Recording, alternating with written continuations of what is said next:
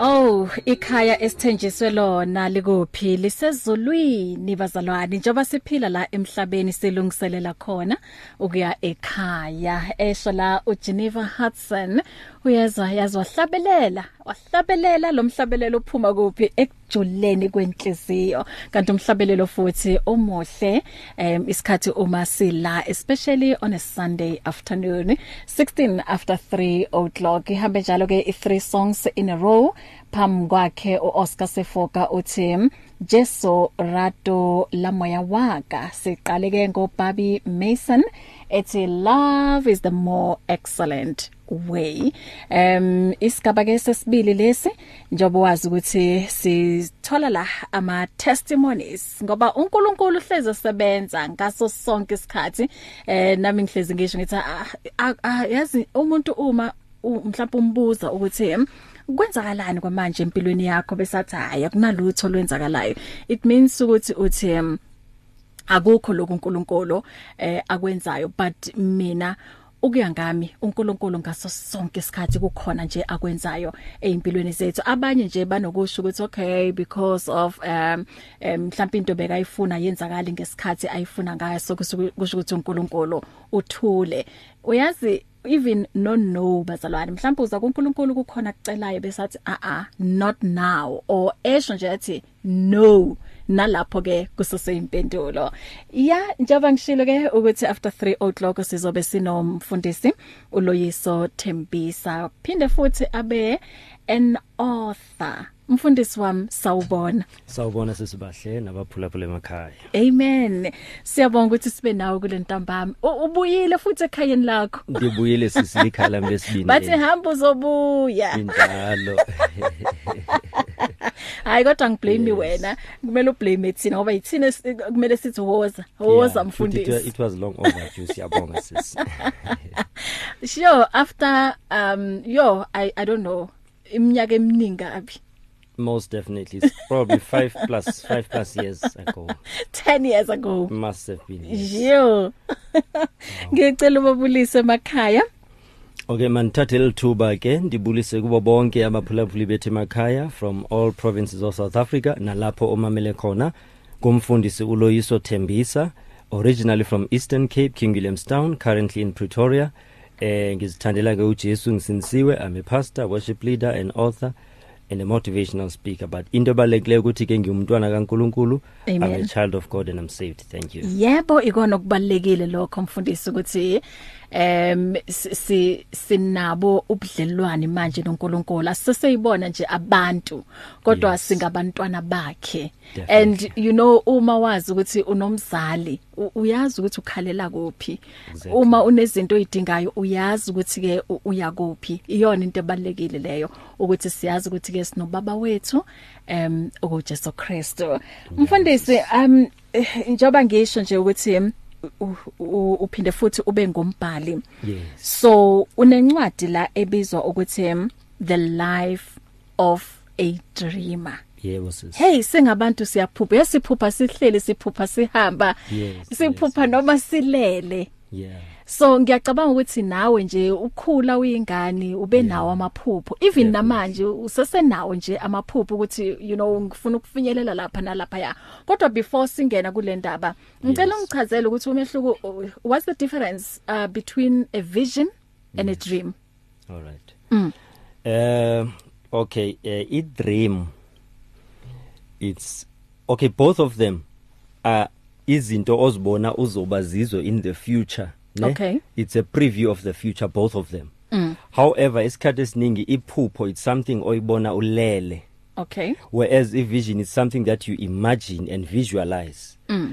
uh, i i- dream it's something that usually hits you when you are sleeping uzibone uyileyo nto in your dreams Mm. and then mawuvuka you you start to imagine and fantasize and draw some pictures and visualize the thing obuyibone ulele. Manje sowuvuka ke uyibone and then you act in relevance to that and you work towards it. Mm. both of them it's okay. the future being brought in your present. Aha. Yes. Oyibona ingaka yenzakali. Ayikenzakali. Aha. Eh but now is secret ukuthi ke you must wire yourself and align yourself to it even Yeah. before yenzakale yeah. Eh ngoba uNkulunkulu nesikhathi sokuthi une une tendency ukuthi akutshela into ozoba yiyo Mhm. most of the time ungekabi in fact he usually tells you the opposite of what you are going to be akutshela ukuthi uzoba millionaire the time we are unemployed uhlala emkhukhwini or akutshela ukuthi wena you going to speak to nations and be motivational speaker Mm. elokasha you are even scared to speak before five people like I was because Yeah. I used to be afraid to speak before multitudes Yeah. but he, but uh, he told me that he's going to use me 15 years ago I didn't know what he meant but now I see what he meant because he gave me the boldness now to speak to any platform any person any any any. So he tells you the the the the, future in the present. Mm -hmm. and then you wire your mind and you tune your attitude towards it and then you start preparing towards that. Anecabanga 15 years ago ekunikeza ke em lelo phupho. Now siku 2021 and it, it's it's happening for real. So yingakho kuthiwa um thina mhlambe ungazenzela ama plans wakho nama goals wakho ukuthi you know in 5 years ngifuna ukuba la um in yes. 3 years ngifuna ukuba la. Kodwa uNkulunkulu athi hayi ima kancane. Eh sesekhona izinto kumele uyifunde. Kusesekhona la kumele undlule khona. So cabanga ukuthi wena mhlambe ngaleso sikhathi uba nalo lelo phupho ukuthi like now now now ngifuna ukuyenza lento kusho ukuthi bongakabi ready. It's only now. Lapho uNkulunkulu athi hayi now unga- ungaphuma ke wayokhuluma nabantu. So we we thank God um ngokuthi abe nguNkulunkulu anguye ezimpilweni zethu. So asi asibuyele emuva. Yes. Em si sicela ukuthi usitshele ngaloloyiso osakhula. Hayi lo esimbonayo kwamanje. Impilo yakho e- e- edutshwa ne? Ila uzalelwe khona edutshwa nasezwelicha nikhulele kulezo ndawo. Ehe a- Yes. asiqale lapho. Okay. Mhm. Um i'm an eastern cape born. Ndizalelwe eastern cape esisky yeah. E- ezwelicha ndayokhulela edutshwa eTranskei izindawo ezi almost the same ngokwegama. Mhm. Yeah i'm a born to a single mother one and only child of a single mother. Uh, i never knew my father. Apparently as i'm told he passed away when i was only 2 years old. So i grew up as a young man with an empty heart with a unfulfilled heart inhliziyo enganelisekile like any other boy child. And uh, most of everything that i went through in my life before i became the pastor that i am i used to be a troublesome teenager for some who do not know i was not born a pastor. I started my journey as a troublesome teenager trying to fill in the gap of an a, a lack of fatherhood. And I've done a lot of things trying to fit in to people joining wrong groups doing wrong things. Uh, but the change and the turnaround in my life it happened when I met Christ. Uh, just before I turned 21 and get the so-called key to adulthood uh, the key that I got is the key which is Christ. That's when now the turnaround started in my life ngachinja uh, izinto zachinja uNkulunkulu wangisiza uh, and also the pain and the gap and the longing of ubaba wayivala ngaba kahle ngasese ngabona ifuture right. And I started working now towards who I am in terms of my identity and my gifts and then ke ngakhula uh, enkosini until I got to discover my calling and my purpose. mhm I was a sick boy growing up. I used to go in and out of hospital. Uh, people see me now ministering healing and hope and, and, and, and deliverance to people. They don't know ukuthi it took ukuthi mina ngiqale ngithi taste obuhlungu bokugula obuhlungu be near death experiences. Kanti they were actually pruning and grooming me for the future because usually future yakho is attached to lento oshayeka kuyo in the area of ukushayeka kwakho. Like if you shayeka ezimalini Mm. it may mean that you may be a future millionaire in the future. So that's basically my my upbringing and uh, what is very deep in my heart at, at the moment. Of course i'm a worship leader and i lead worship at church and i preach the word but uh, there's a newfound passion now which is the one of being an author. Mm. but i believe we're going to talk more about that. Yeah yeah yeah. Yes. Um s- yes si so bonga nayo as u- ukhuluma ukuthi ubaba bekangekho empilweni yakho A- Yes. u- u- azange ukhule unayo this anger. Yokuthi uphi babami and mhlawumbe mawubuka ezinye ingane ubona ngathi awuphelele wena awukwazi nokuthi mhlawumbe esikoleni ukukhuluma ukuthi babami this babami that- Uh, it's um, it's amazing that all the friends in Kulenazo were all raised by a single mother like me. Oh. The only difference with them is that at least abo mama babo they they they knew their fathers. They had relationships with their fathers. Mm. So in my case, I didn't know him. I've never met him. He was not even around. So it was least with them babecinga ukuya kodade bekuba easy to phone them or meet, meet them somewhere even though they were not married with their mothers but with me it was different Mm. i didn't have any mother so uh, i i honestly felt like i was bitter of course i was Mm. angry and of course there is that stage where even parents would hide some of these things from you to protect you so i wasn't even sure what is what no information was given to me so i thought alcohol drugs and gangsterism was the way to go that's how i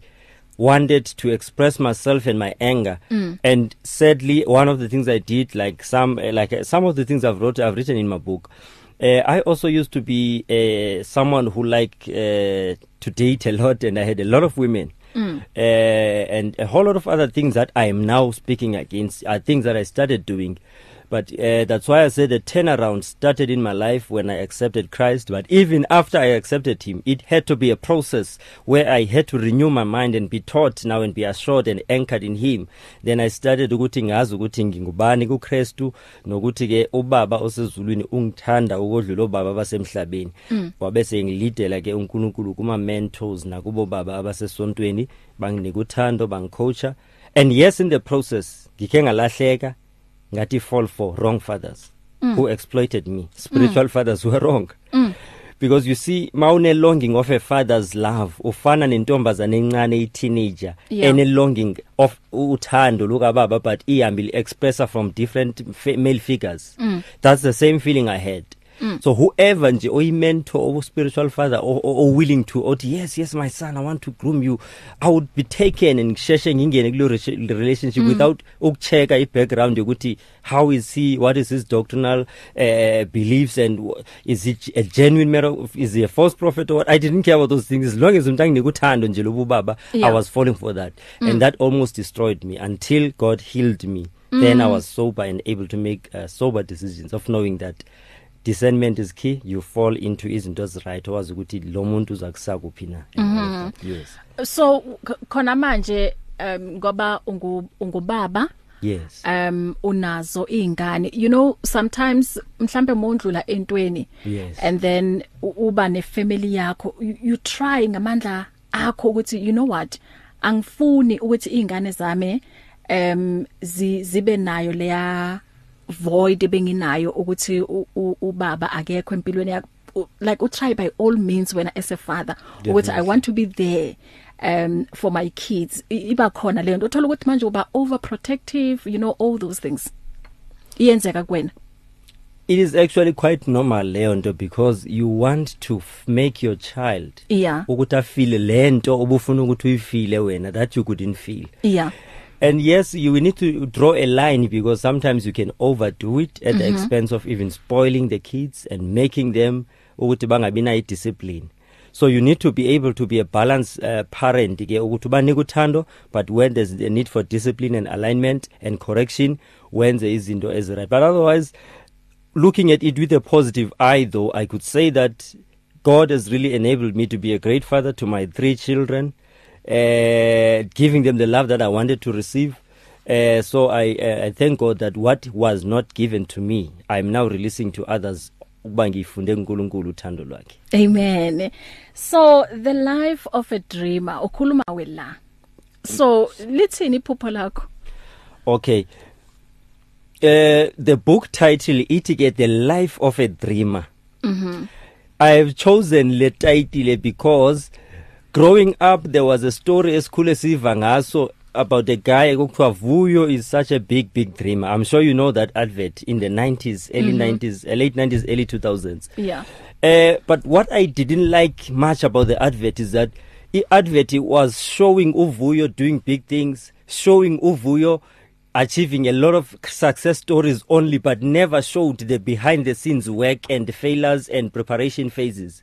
So what I wanted to do now, I chose a theme ye dream and then ngayihlanganisa with my personal life because I am the dreamer. uJoseph in the Bible, ilife yakhe iyafana neyami. So that's why I'm saying I'm Loiso the dreamer. so the life of a dreamer it is my life that's what the book is about so i then used that concept ye dream uh, using it for my own personal life ex experiences the highs the lows the ups the downs the successes and the failures. Because abantu abaningi isikhathi esiningi mababhala incwadi zomotivator ba mostly focus kakhulu on the positive things. But in the book there are failures there are weaknesses there are the not so good things there are uh, times where one wanted to give up there are times where one was depressed. You see a lot of things are there but also there's also a good side. Like the ultimate dream of course is to be a motivational speaker an inspirer a, a hope giver. That's what God has called me for. But it took ukuthi ngiqale ngibe discouraged until ngikhuthaza abantu. You cannot take people to where you've never been. And a motivator is someone who went through discouragement first. So that maga encourage you encourage you with passion. So now God is helping me to awaken the sleeping giants. Emaphupheni abantu afile siyawavusa ngethemba esihambe silishumela in all radio and TV stations all over the country. And abantu abasebe give up kumaphupho wabo e businesses kumaphupho ama ministry kumaphupho wabo e careers abanye ba give up na kumaphupho omshado. Ngoba usisikela iage ukuthi wena una 35 una 40 it's too late for you. That's your own timetable. But awazi ukuthi uThixo makafuna ukusikelela yena kuye lento ayithethile ngayenzeka no matter how long. Because the bigger the dream the longer the waiting period. Ubukhulu bephupho budetermine isikhathi se preparation nesikhathi sokulinda. Mm so, wow. yeah yeah yeah. So uloyiso yena um ngiyacabanga ukuthi iphupho lakho vela ube nalo eh ukhula. So wena bowuphupha ufuna ukubona uloyiso kwenzakalani? Lokho kwenzakalayo kwamanje iphupho lakho usakhula. Uh, basically what i wanted to do lento iqale for as someone who is a, a preacher and an evangelist i'm a one on one mostly one on one evangelist and a one on one motivator. So ngiqale ngoyenza in a way of a counseling and motivation eh ngikhuthaza abantu maybe a few groups or ama couples or one on one ngimotivate abantu ngibona bekhuthazeka be, be, umuntu athi umuntu there are people who wanted to even commit suicide and God would give me a word ngikhulume nomuntu athi bese ngikmixile poison ngizozibulala but I turned my back after you spoke to me. Mm. there are people who wanted to backslide baye kuJesu or abanye befuna udivorce one word or two a few words uthi kwanika zona ze wisdom then achintshe umuntu kwisigqibo sakhe. Lonto beningayazi ukuthi it's something that God wanted to use me on in a bigger platform. I thought it's just a one on one extra spice ukuthi ngingupastor pastoral counseling mm. and it ends there. But it it didn't dawn to me that God wanted to open bigger platforms like the radio the TV social networks and all platforms where even on YouTube abantu baya follow they follow my material and are, are getting blessed even worse now. With the book as part of the motivation. So basically, motivation is just what I do, whether I preach, I motivate, I sing, or I write. So Indaba Yami is on the motivation. And I grew up watching uh, Abu Babu David Malapo as my inspirators. And uh, and a whole lot of other people who were motivators nabo Vusi Tendekwayo Phembe kwayo and a whole lot of others i never thought nami one day abo mm. babu zondo bishop zondo i mean u pastor Thembiso zondo mm. i never thought ukuthi izawufika emi moment where people will be listening to me in the theater in public platforms i thought it's just something for few groups and few people around me mm -hmm. but one thing i can say is that whatever you desire to be and to have you must be willing to pay the price for your dream Mm. you must be willing to go through the process so that mase ukhuluma nabantu abasekulezonto ubathethela based on where you've seen God taking you. Can't take people out of things if you've never been taken out of anything. So we are discouraged so that we can motivate others. We are going through marital challenges even ourselves so that when once we pass the tests sikhona ukuthi sikhiphe abanye abangene ezingxakini so whatever we go through it is so that abanye bathole ukusizakala with our own experiences. Mhm so uloyiso yena imaphi ama tests ukuthi uye wabhekana nawo ukuthi namhlanje mhlawumbe umuntu mangeza kuwena athi yazini I've been through lokhu nalokhu nalokhu and then nawe ukubuke from your life experience Uh, well, there's quite a number of challenges that I've went through. The first one, mm-hmm. I was engaged to be married. Some years I was, I'm, I'm 15 years in marriage now. Mm-hmm. Shate 15 years ago. Uh, I was working and having planned the wedding, sabeki date.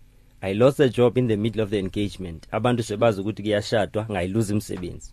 Mm. So the option was to cancel everything, but I told my then fiance that God is going to make a way for us.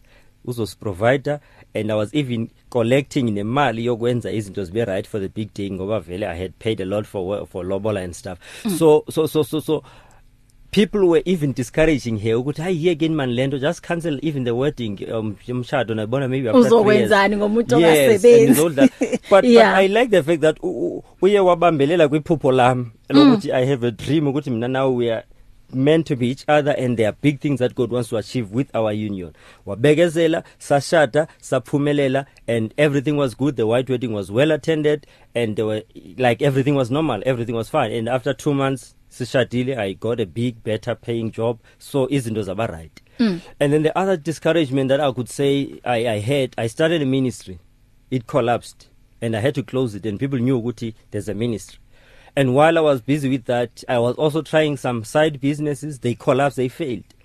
And while i was doing that there was also a recording deal yomculo ngoba as i'm also a worshipper it, it came and came and just at the last moment it collapsed. And while i was going through all of that my kid one of my children was going in and out of hospital.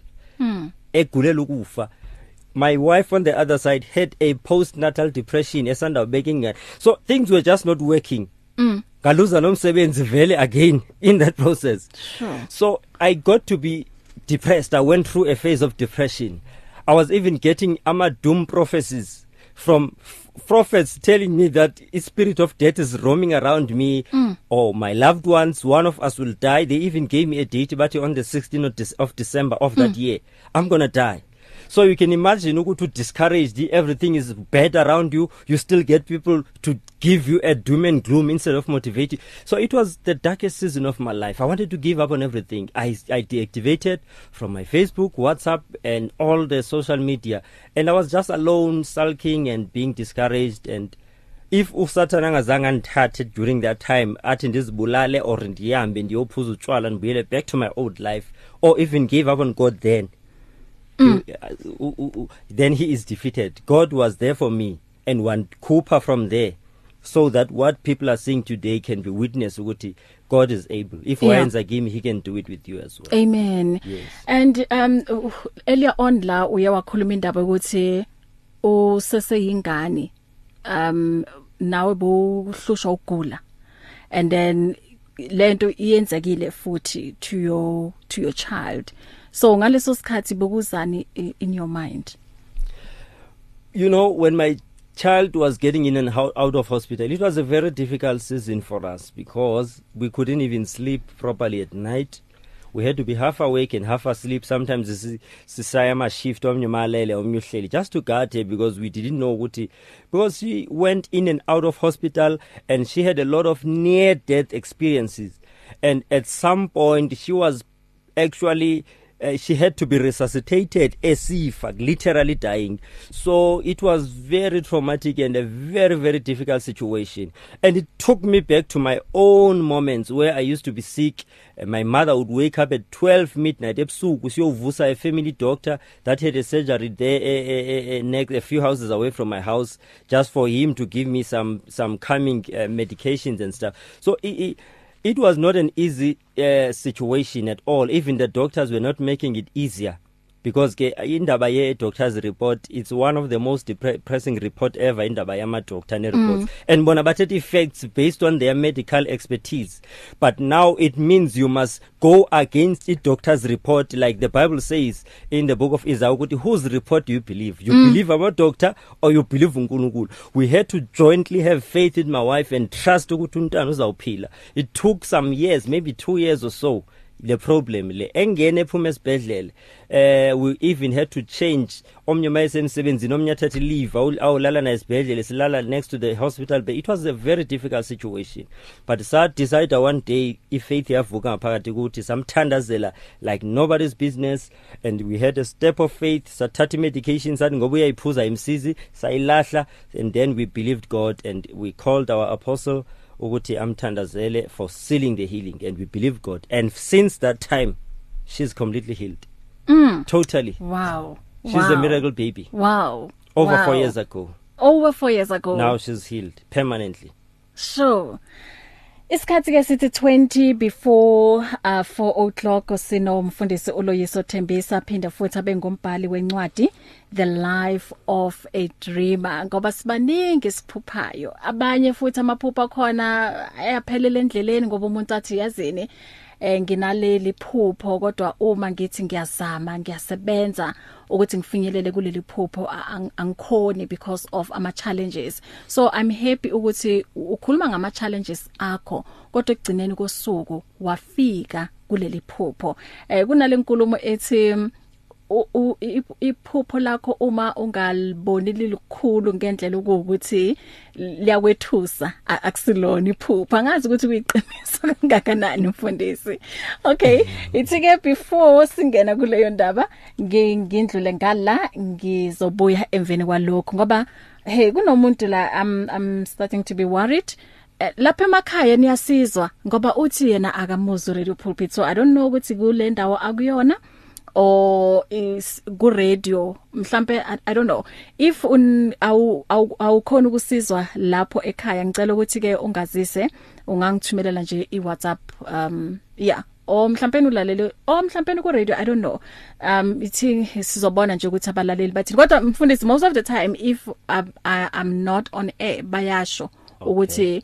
Bathumela ama WhatsApp ukuthi asinizwa asimuzwa u radio pulpit iya okay thingenze kanje You're at 657 AM radio carrying 24 hours a day. This is a public service announcement out of concern for your safety.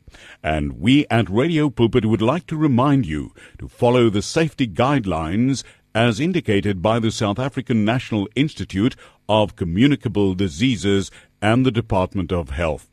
To keep COVID 19 under control in our communities. If you or a loved one presents with symptoms, or if you believe you were in contact with an infected person, call the emergency hotline 0800 029 999 for assistance. It is everybody's responsibility to practice the advised hygiene and cleanliness guideline as set out by the government. For more, visit www.radiopulpit.co.za. 657 AM. If you need prayer, please send your request to prayer at radiopulpit.co.za or WhatsApp 067 429 7564 or go to Radio Pulpit website on www.radiopulpit.co.za. Reach your customers in the car, at the office, at home, or wherever they are, night or day. Through advertising with Radio Pulpit, you can reach a large, unique, and loyal audience in a most affordable way. With over 500,000 people on our various platforms, from Gauteng to the Cape, you simply cannot go wrong. So advertise today. Contact us on 012 334 1339 or for advertising packages that we offer, go to www.radiopulpit.co.za. Terms and conditions apply. From your ear to your heart to your mouth to your feet. Join this life on 657 AM. ungunkulunkulu ongashintshi uthi um uwedwa ungunkulunkulu okuwukuthi kumele ngempela Simkhonze you are God alone. William McDowell isikhathi ke sithi 1547 ngisesenayila. Umfundisi uLoyiso Thembisa obhale incwadi ebizwa The Life of a Dreamer. Okay bazalwane ngiwutholile umyalezo ukuthi hayi yonke into ihamba kahle. Eh kusho ukuthi eh, umfundisi uyena iradio yakhe nenkinga eh la ekhona. Sizwakala kahle kuzo kuwo wonke nje ama platform njengoba wazi ukuthi radio pulpit uyamthola ku OpenView channel 607 uyamthola ku DSTV audio bouquet 882 ungakwazi ukusilalela na ku your smartphone ku radio pulpit app.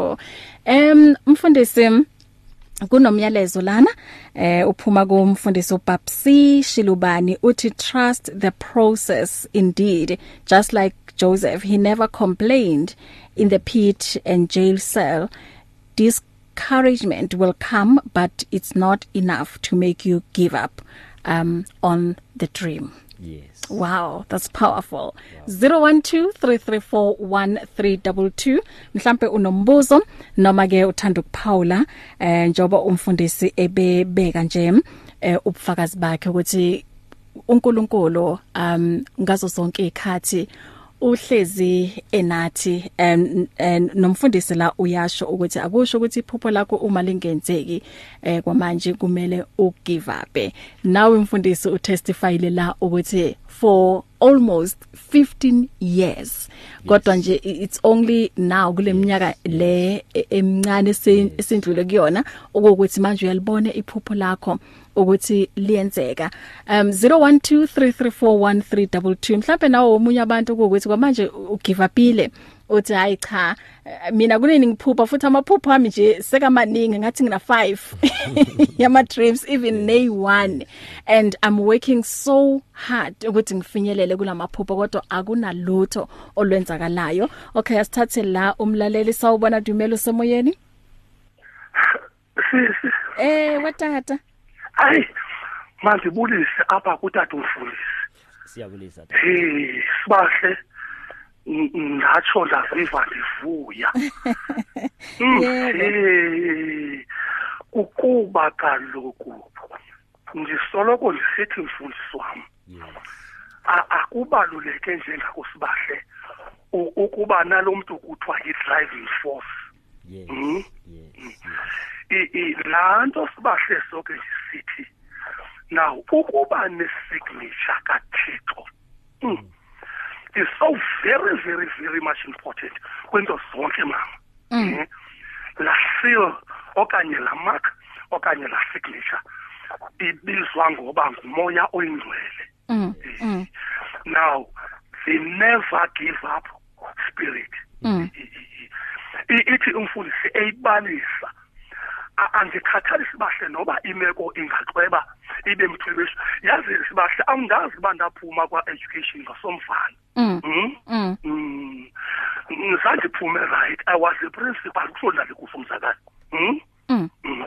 kwalahleka ii-policies kwalahleka ii-pensions mm? sure but the only thing I never did mm, kukuba ndithi ngenxa yekomiti yesuphu ndiye kuyesu Mm. not unless awumazi uthixo Yeah. ndisincama ujesu omhle omkhulu kangaka ngenxa ye- yemali yakwaprincipalship andikwazi mm andikwazi mm laa nto ithi here am I andiphangeli sisandizabe kandiphangeli Hmm. indlela endonwabe ngayo kuba mama inye into ethetha nguthixo ma ithi into ikwehlela intle ma ikwehlele usindisiwe qha Mm. Hmm? And ma ithi into embi ikwehlela mayikwehlele ukwathixo ukuthixo unomoya oyingcwele Yeah. Yes. Mm. Azathi just like uba ujobi lo uyabona utata ujobi so basi-heroes and basi-role models eh?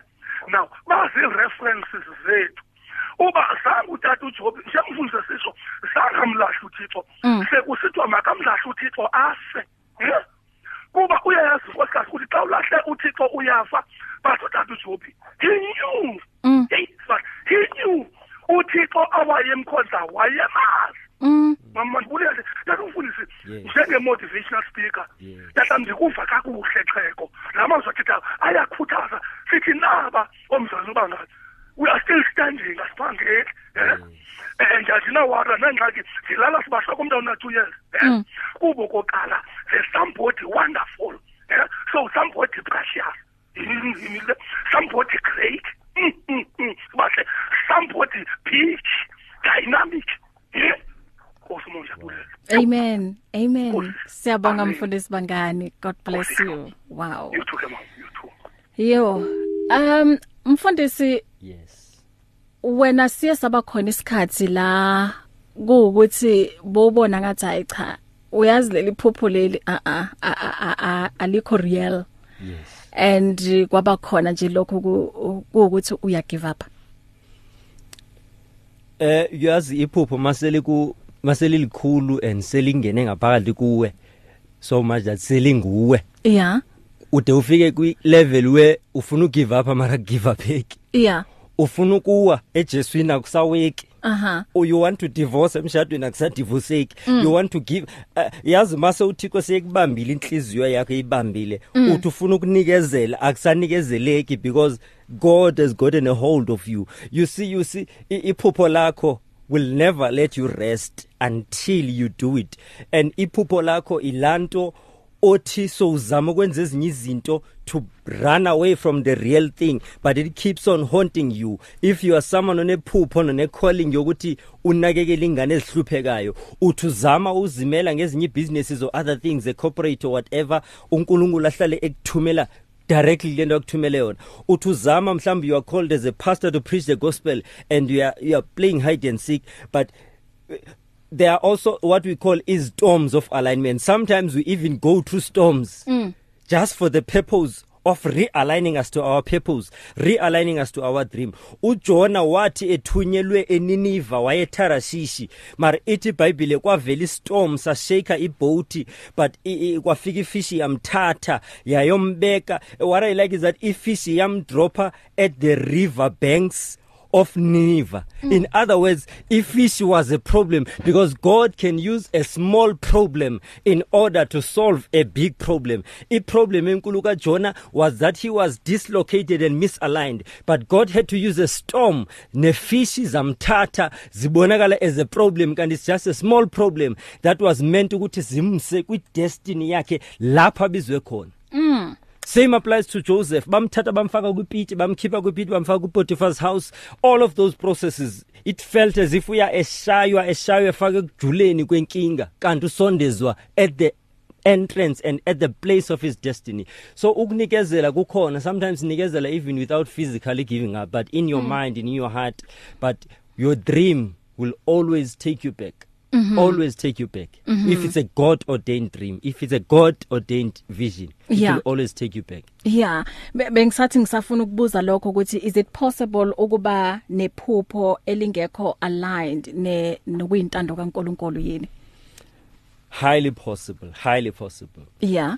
uh but usually le into engeyo kaNkuluNkulu uyibona ngokuthi mawuyenza Yeah. there is a struggle mawuyenza uthi noba uyayenza mhlawumbe uyibona abanye beyenza ube ne-interest kuyo Yeah. but like if you are a teacher and I'm a nurse mawuthatha uthisha umfake esibhedlele uthatha unurse umfake eklasini atiche like I, the example I usually make both of them are gonna fail not because they are not qualified not because they don't have amaphupho but it's because i-level or i-atmosphere of operation yabo badukile. So definitely mawenza into engeyo yakho one of the things ozibona ukuthi awu firstly awubinayo i-peace of god in you.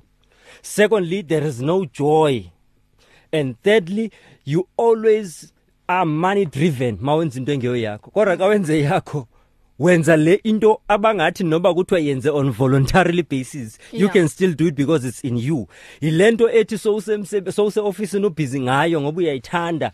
Uthola ukuthi awunaso nesika- awukho- ukhohlwa nokuthi ufanele udle lunch Yeah. khohlwa nokuthi kwisikhathi sokushayisa you spend sleepless nights and many hours doing it because into yakho. But le engesiyo yakho ikunika ama-blue mondays. Yeah. le ngesiyo yakho ubheka isikhathi yo hayi is my lunch yo hayi hayi namhlanje i don't feel like. But eyakho into iyakuvusa it pushes you. Mara ngeyo yakho you are pushed to do it. Wow, wow. Um 3 before 4 o'clock ngo 4 o'clock um uyaphuma la umfundisi. So singakuvaleli ngaphandle uma kuukuthi una umbuzo noma ke uthanda ukuphawula eh njoba ke ebeshare i testimony yakhe eh, the life of a dreamer. Eh s- s- umuntu and i believe mfundisi ukuthi ukuba namaphupho ikona eh, eh, ezinye zezinto ezi e- ezikwenza ukuthi ube ne drive um empilweni and ezikwenza ukuthi uhlezi unethemba. Because angeke nje uphile umuntu uthi uvuke ekseni wenze lokho kwenzayo kodwa uthola ukuthi ingabi khona lento um ehlezi at the back of um your your mind or your head ukuthi you know what yes kwamanje ngenza lokho kodwa mina um in years or yes. in months to come ngifuna ukumbona ubahle ela and mm. unikeze iexample enhle ukuthi sometimes abantu u- u- mhlawumbe uyakubona wena you are an author Yes. or you are a motivational speaker uthanda ngendlela okhuluma ngayo. Yes, naye all of a sudden sakaba neinterest ukuthi you know what? Ngifuna ukuzibona nami ngifana nomfundisi loyiso Thembisa Yes, ngime lapha yes, yami. yes, but kuyinto nje eqala ngoba ekubona. So Yeah. do you think um, mhlambe bekuyiphupho elifihlakele but ngoba uyakubona wena kuvusa lento ukuthi mhlambe ikhona ngaphakathi kuyena? It does happen ukuthi kube khona umuntu o- o- oba i-inspire yakho oyimotivate. Yeah. however le into that is not meant for you uyibona ngokuthi ke usheshe uhambe ukhathale ubhoreke yiyo. Oh. But ma iyo yakho you keep on persisting and pushing. Mm. even if iminyango ivaliwe you keep on knocking. Even if abantu abanama connection yokufaka kulento iphuphayo bayakuphusha ngaphandle you keep you persisting ngoba ile yakho but ayingeyo yakho. You quickly give up because it's not yours and you try other things. Mm -hmm. vele we all start sifambula singazi ukuthi siyephi until we find the right thing then we move in it. Yeah. Amazakho okugcina mhlambe onga on- ongawaletha kumuntu okuwukuthi athi "Ay, yazi mina i was about to give up. Ngibona nje ukuthi hayi cha ngiphuphile ngaphupha ngaphupha. Hayi futhi abantu bayangihleka nokungihleka. Sometimes unokuthi ulikhuluma iphupho lakho abantu bathi "Hey, wena are you for real? Uyayibona? Yes, yeah. yes, yes. so ungathini nje ukukhuluma nalowo muntu loyo to ukum encourage Okay, what I want to say to umphulaphula ekhaya ukuthi ke eh the very fact that okokuqala usaphila when many people multitudes of people are dying now during this covid that on its own is a sign yokuthi when you are a victor you are a conqueror and that there is still something that you must fulfill. And also kwesibini ukuthi ke eh the fact that iphupho lakho lingekafezeki and kudala uzama It is because uThixo ufuna ukuthi ufike to a stage and to a point where you realize ukuthi vele alizukwenzeka ngamandla nobulumko bakho lizokwenzeka ngaye. And the other thing I want to say kuwe ekhaya ukuthi ke each and every dream, each and every calling, each and every purpose has a season.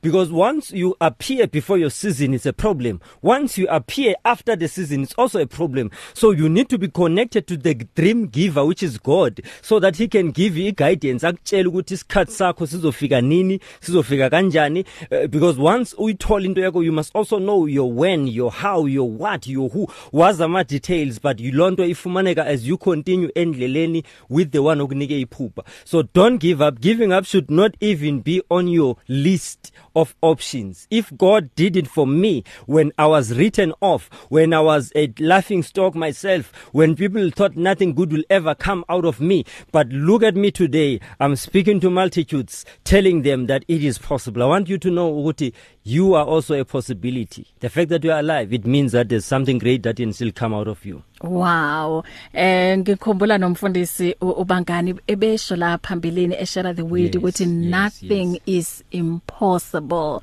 Um Hallelujah. kuJehova ngicela silalele nansi i voice note. Sanibonani sibahle ngiyanibingelela igama kaJesu nenceku yaNkulunkulu lapho nabalaleli bonke beRadio Pulpit ngiyababingelela kakhulu futhi ngiyabatshela ukuthi ngiyabathanda ngithanda nonke. Sibahle uqinisile umfundisi. That's true. Mawuholwa ingakho uNkulunkulu athi sivume ukuholwa. Sivuma uNkulunkulu asihole. That's why uNkulunkulu athi ngifuna onendlebe ezwe. Uyazi ukuthi akagcini ngokuzwa kuphela kodwa uyayenza. Elalela enze athathe istep. Nomcabango uyajula. Yonke into oyenzayo iyajula ngoba uvumele yena ukuthi akulide nami ngibone ngami sibahle sibahle ngisebenze ku-private clinic more than uh, 15 years. And ngaphuma ngenye indlela engayiqondi engaqondakali. Kodwa manje sengiyabhelieve ukuthi no because kuyisikhathi kuyintando kaNkuluNkulu. uNkulunkulu uyafuna ukubonisa ukuthi uNkulunkulu is alive and uh, around me. And sibahla ngeke ubelieve ngithe mangihlala ngahlala more than 5 years. After more than 5 years mina angitholanga zimali zami angitholanga lutho. Kodwa lokho bokunganginiki ukuthi inhliziyo iloku ilangazelela iy'mali zasemsebenzini. Ebengikulangazelela ukubuyela emsebenzini ukufisa futhi ukusebenza lo msebenzi. Sibahla ngeke ubhilive ukuthi kwenzakalani after six seven years. Udoktor wahamba waye overseas uthe makabuye idoktor azange asafuna omunye umuntu. Wafuna mina lo doctor bengim-assista wafu wangifuna la ngakhona. And uzubone uthema sekabuya wabuya seka-january wabuya seka umunye umuntu wabuya i mean yonke into. And uthema kangithatha sithema sicala fresh yonke into kwasenzakalela enhle kusmart kusmooth kuyahlela nje. Kodwa izimo sikhona sibahle ngoba uyazi uma ukhonza unkulunkulu akubi smooth but kuba nama-circumstance anzima azaya asihlaselayo. Kodwa ngoba sihleli kunkulunkulu manje sesibambene ngoba uyamkhonza lo nkulunkulu and ngiyamkhonza nami lo nkulunkulu and noma sikhuluma siyashera noma sixabana sixabana bese sivula imavesi uyabona so konke okwenzakalayo kuyintando kankulunkulu. Uthe noma abuya ungithanda sibahle like never before. Ngiyamthanda like never before. Plus i mean we are genuine. And like we are one. Yazi ngendlela unkulunkulu emuhle ngakhona kunomahluko omkhulu omkhulu omkhulu. Uye waqala ngathi ngiphume esikolweni ngamsebenzela. Ngithe ma ngimsebenzela ngithe noma ngimyeka mean angishiya hamba anganginikanga konke kodwa uNkulunkulu wayazi ukuthi angikubekelanga imali imali into esikhashana kodwa ngibekele back imisebenzi nempilo enhle nekhanyayo yaphakade. Yazi uNkulunkulu bemuhle. Ngiyamthanda bayina ngiyamthanda that's true. Hlala kuNkulunkulu. Ngeke usisole nabalaleli be-radio pulpit ukuhlala kuNkulunkulu. Angeke usisole at the end. Kodwa ubone umusa kaNkulunkulu. Hlezi umusa kaNkulunkulu. Kuze kube phakathi usho njalo izwi lakhe. Ngiyamthanda bayina sibahle. uNkulunkulu akwenze kahle sisi siyabonga kakhulu. Amen. Ah nathi siyakuthanda kakhulu ma and thank you so much ukuthi ushare um your testimony. Hey mfundisi uNkulunkulu esimkhonzayo uNkulunkulu isimanga impela. Definitely. Yo uyazi bunamandla ubufakazi labo kamama. Um um ubaba ubadi sibeng uthi pastor Loyiso Thembisa my brother i'm inspired. Uh, woman of God thanks be to God for your program. Mfundisi bakuthola kuphi? Mhlawumbe abangathanda ukuthi ba baxoxe nawe uma ungasekho la. Alright ngitholakala ku Facebook uh, it's Loiso Thembisa Kamachoba that is both a Facebook page and a Facebook profile. And also the same name on YouTube Loiso Thembisa Kamachoba you also find me on both Instagram and Twitter at, at L Thembisa. WhatsApp it's 0838795943 mm. Email lthembisa@gmail.com Okay u, u active angithi kuyo Facebook. Very active. WhatsApp uyaphendula. Ngokusheshsha ngokusheshsha thank Yes. you so much mfundisi wami ukuthi eh ube nathi kule ntambama and uh, si I'm hoping ukuthi sizobona more and more and more books. Kubonge mina sisi. Definitely the second book is coming siyabonga kakhulu. Amen. Thanks. If you need prayer, please send your request to prayer at radiopulpit.co.za or WhatsApp 067 429 75 0891104564 or go to Radio Pulpit website on www.radiopulpit.co.za. Many people across South Africa are being blessed and encouraged by the Radio Pulpit devotional magazine, The Word for Today.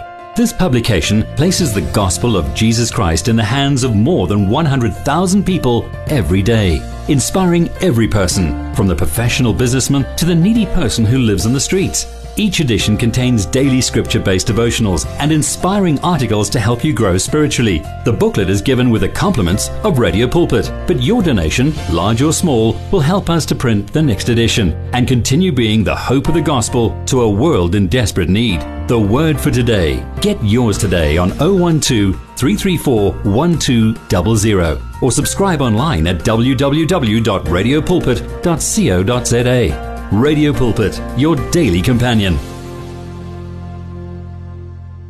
You and 657 AM and life, a winning team on the road to eternity.